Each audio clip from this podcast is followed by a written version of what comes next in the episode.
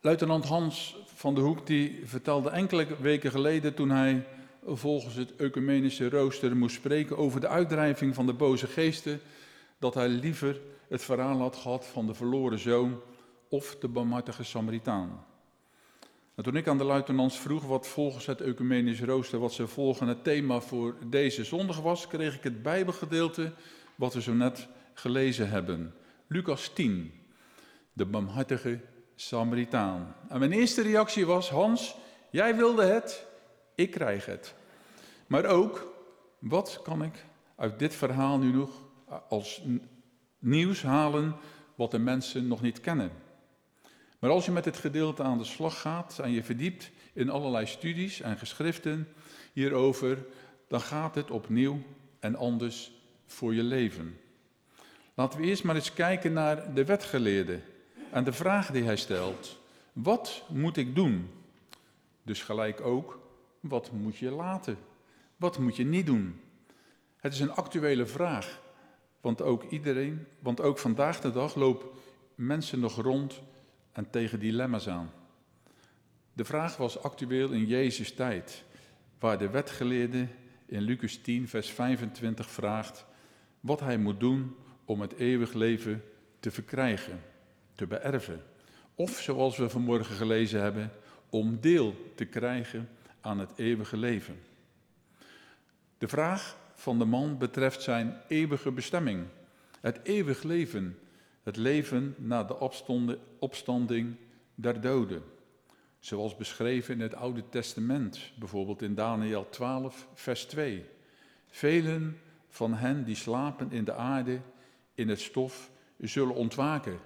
Sommigen om eeuwig te leven, anderen om vereeuwigd te zijn, veracht en verafschuwd. Maar in het Nieuwe Testament is het eeuwig leven beërven een synoniem voor het koninkrijk van God beërven. En waar staat Jezus in dit opzicht? Aan welke voorwaarden moet iemand voldoen om deel te krijgen aan het eeuwige leven?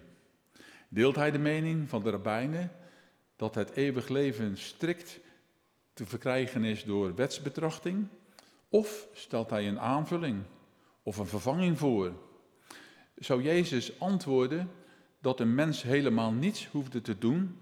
Of zou hij andere voorwaarden noemen die buiten de wet van Mozes en de voorschriften van de rabbijnen opgingen?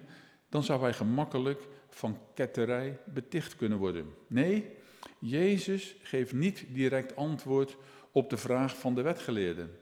Maar hij stelt, zoals niet ongewoon was in rabbijnse leergesprekken, een wedervraag. Wat staat er in de wet geschreven? Wat leest u daar? Doorslaggevend voor de vraag naar het eeuwig leven is wat de wet, de Torah, de eerste vijf boeken van de Bijbel van Mozes, daarover zegt. Daarin heeft God immers zelf zijn wil bekendgemaakt. En juist als expert op het gebied van wetstekst zou de man het antwoord niet schuldig mogen blijven. De tweede vraag van Jezus is op verschillende manieren te verstaan. Wat leest u daar? Hoe lees je daar? Het is op te vatten als een uiting van verbazing in de zin van: het is onbegrijpelijk dat je het antwoord niet weet. Of als een informatie en tegelijk sturende vraag. Wat lees je daar? Daar is immers het antwoord te vinden. De wetsgeleerde wijst niet op de weg van de wet, strikte wetsbetrachting, maar ziet het bereiken van het eeuwig leven in de relatie die de mens heeft met God en onlosmakelijk in de relatie met de naaste. Hij antwoordt met het aanhalen van twee teksten uit de boeken van Mozes, die het hart vormen van het oud-testamentische getuigenis, volkomen toewijding aan God en de naasten. Heb de Heer uw God lief met heel uw hart en met heel uw ziel en met heel uw kracht en met heel uw verstand en uw naaste als uzelf. Het viervoudige hart ziel, kracht, verstand moet hier niet worden opgevat als een onderverdeling van de mens in vier verschillende deelgebieden, maar juist als een omschrijving van de mens in zijn geheel, zoals wij zeggen, met hart en ziel. Omdat de wetgeleerde het antwoord op de vraag die hij Jezus stelt kennelijk niet zoekt in het strikt onderhouden van de geboden of het doen van goede werken, maar juist in de relatie tot God en de medemens zegt Jezus dat hij juist heeft geantwoord. Het eeuwig leven is immers alleen in verbinding met God en Jezus en niet door middel van goede werken te verkrijgen. Doe dat en u zult leven, antwoordt Jezus hem. En Jezus bevestigt hiermee dat het eeuwig leven alleen te verkrijgen is in de weg van het liefhebben van God en de naaste, in de persoonlijke relatie met God. Het gehoorzamen van de geboden is dan ook een uitdrukking van wat er zich innerlijk afspeelt. De wetsgeleerde weet het dus allemaal heel goed. Maar waar het hem echter aan ontbreekt, is de praktische toepassing van deze waarheid op zichzelf. Hoe doet hij dat? Wie is zijn naaste? En overrompeld door de directe manier waarop Jezus hem antwoordt, je hebt juist geantwoord, maar ook dat Jezus de vinger legt op de zere plek, doe dat, probeer de man zijn gezicht te redden ten overstaan van de overige aanwezigen. Hij wil zich rechtvaardigen, duidelijk maken dat zijn oorspronkelijke vraag niet onredelijk was. Hij wijst op een onduidelijkheid over de vraag wie er met de naaste bedoeld wordt. Wie is mijn naaste? En daarmee bedoelt hij ook gelijk, wie is mijn naaste niet? Met andere woorden, waar ligt de grens? In het Oude Testamentische was het naast, sorry, in het Oude Testament was de naaste de volksgenoot, maar ook de vreemdelingen die in het land verbleven, moesten als naaste behandeld worden. Sommige groepen binnen het Jodendom beperkten het naaste zijn echter tot de eigen besloten kring. En was deze wetgeleerde er daar een van? Vroeg hij daarom wie zijn naaste is? Of probeert hij van Jezus een uitspraak te ontlokken? En dan vertelt Jezus dat hele bekende verhaal van de barmhartige Samaritaan. Een voorbeeldvertelling, een verhaal dat we allemaal kennen. Jezus begint het verhaal met een voor zijn gehoor bekend tafereel. Er was eens, en het lijkt wel een sprookje, er was eens iemand die van Jeruzalem naar Jericho reisde. En zijn toehoorders zullen automatisch aangenomen hebben dat het hier een Jood betrof. En de weg van het hoger gelegen Jeruzalem naar het lager gelegen Jericho was ongeveer 27 kilometer lang en kende een behoorlijk hoogteverschil. In het Hebreeuws is dit afdalen al de verkeerde kant op gaan. Omhoog naar Jeruzalem, dat is de juiste weg opgaan.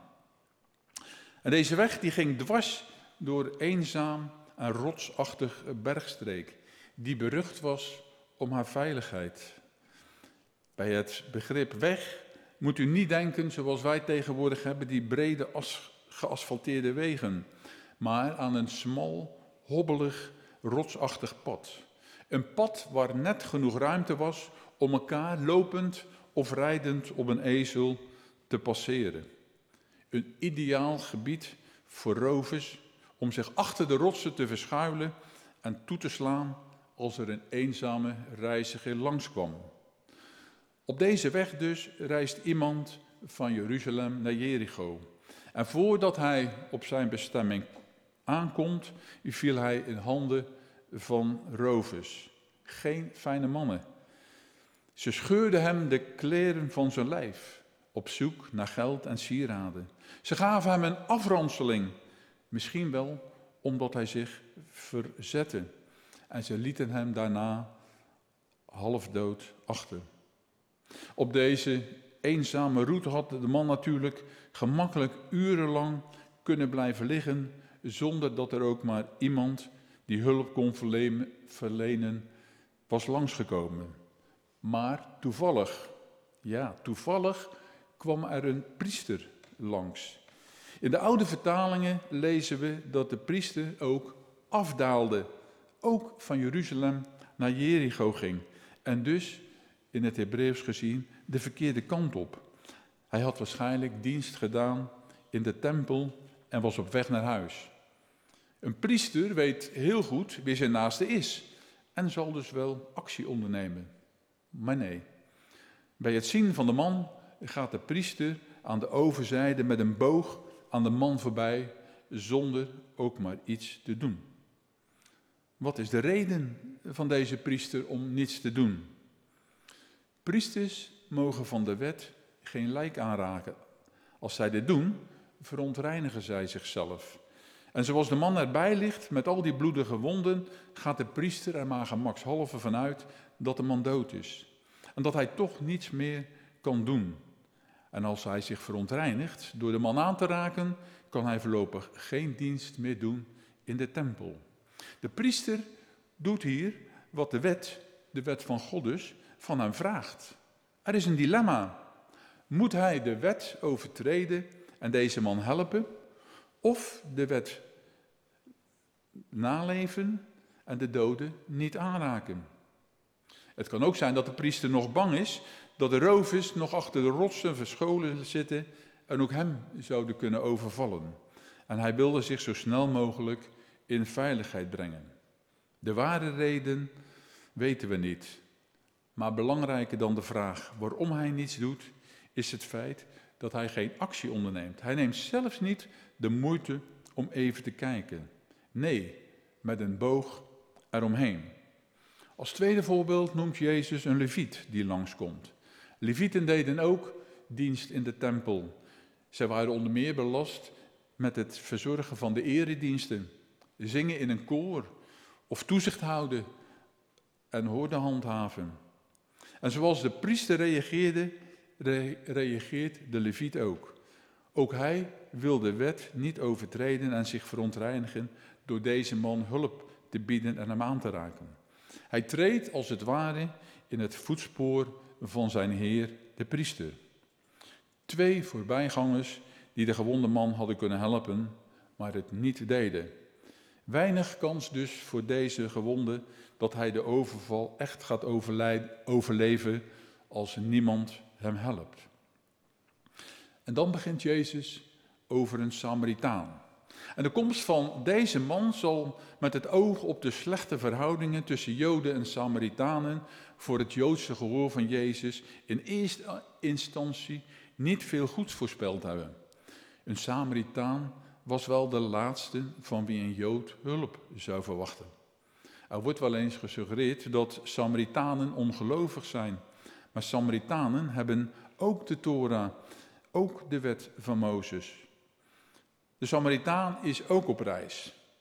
Hij staat niet bij of hij afdaalde naar Jericho of opging naar Jeruzalem. Waarschijnlijk was de Samaritaan een handelaar.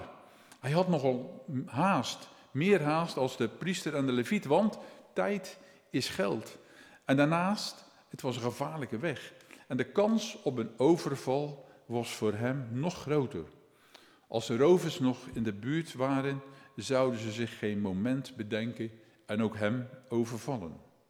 Maar de Samaritaan laat zijn ezel stilhouden. Hij stapt af en gaat naar de man toe. De gewonde man, die wordt nu wel bang. Want de Samaritaan, wat kun je daar voor goeds van verwachten? De Samaritaan was bovendien in vijandelijk gebied.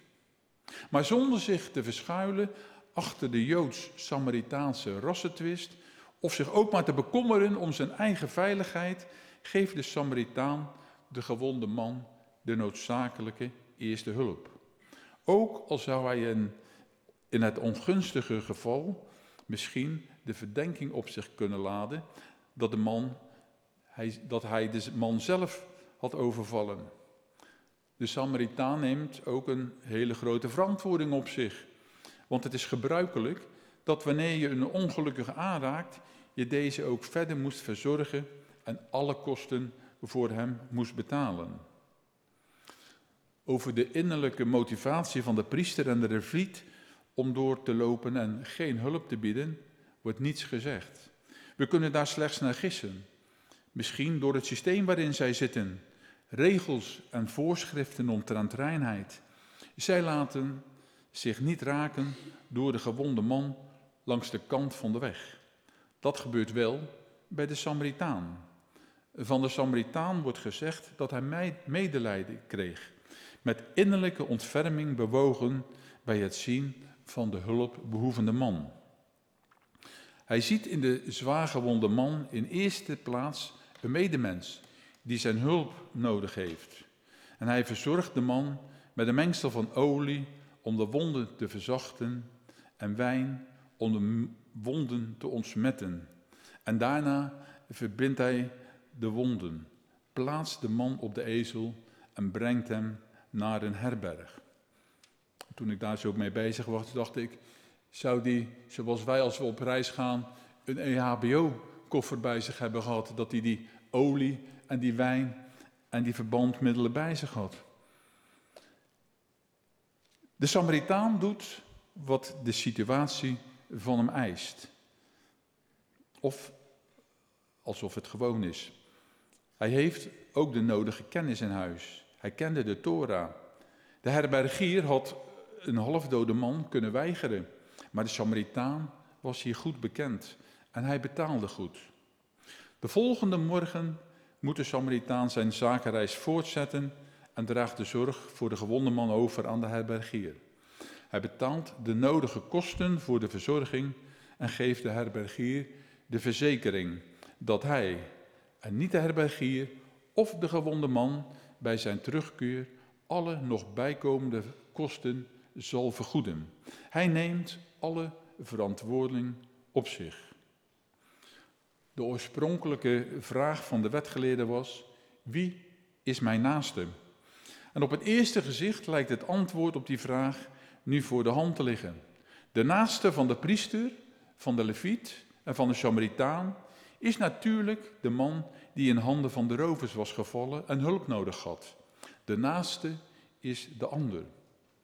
Maar door die oorspronkelijke vraag iets te veranderen in wie is de naaste geworden, dat wil zeggen wie heeft bewezen de naaste te zijn, dwingt Jezus de wetgeleerde de vraag naar de naaste in een geheel ander licht te zien. Namelijk vanuit het standpunt van iemand die een naaste nodig heeft. De wetgeleerde moet wel erkennen dat, de Samaritaan, dat het de Samaritaan was en niet zijn eigen volksgenoten die de naaste liefde in praktijk heeft gebracht. Toch krijgt hij het woord Samaritaan niet over zijn lippen. Dat is te min voor hem. Hij omschrijft hem diplomatiek als de man die medelijden, barmhartigheid met hem heeft getoond. En hij raakt, hij raakt daarmee precies de kern van de zaak. Over de vraag wie je naaste is, moet niet gediscussieerd worden. Het moet in praktijk gebracht worden. Jezus zegt dan ook tegen hem: Doe dat voortaan net zo.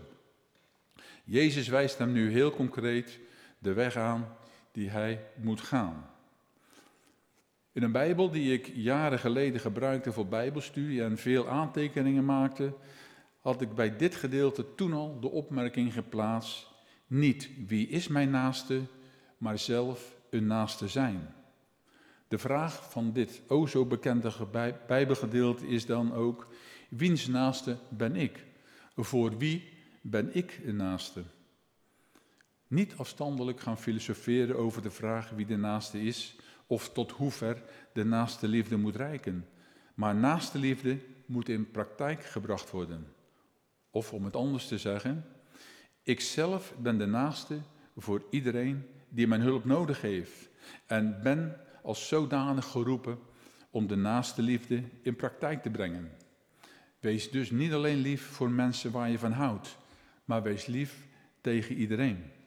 Zo kunnen mensen aan u en mij zien dat we een kind van God zijn.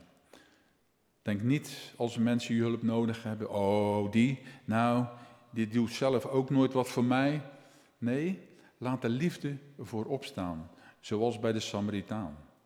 Dat is vaak heel moeilijk, want dat maakt je klein. Maar dat is wel precies wat God van u en mij vraagt. Als we proberen zo te leven, heeft God ons lief en zal Hij de kracht ervoor geven om te doen zoals die Samaritaan deed. Twee vragen.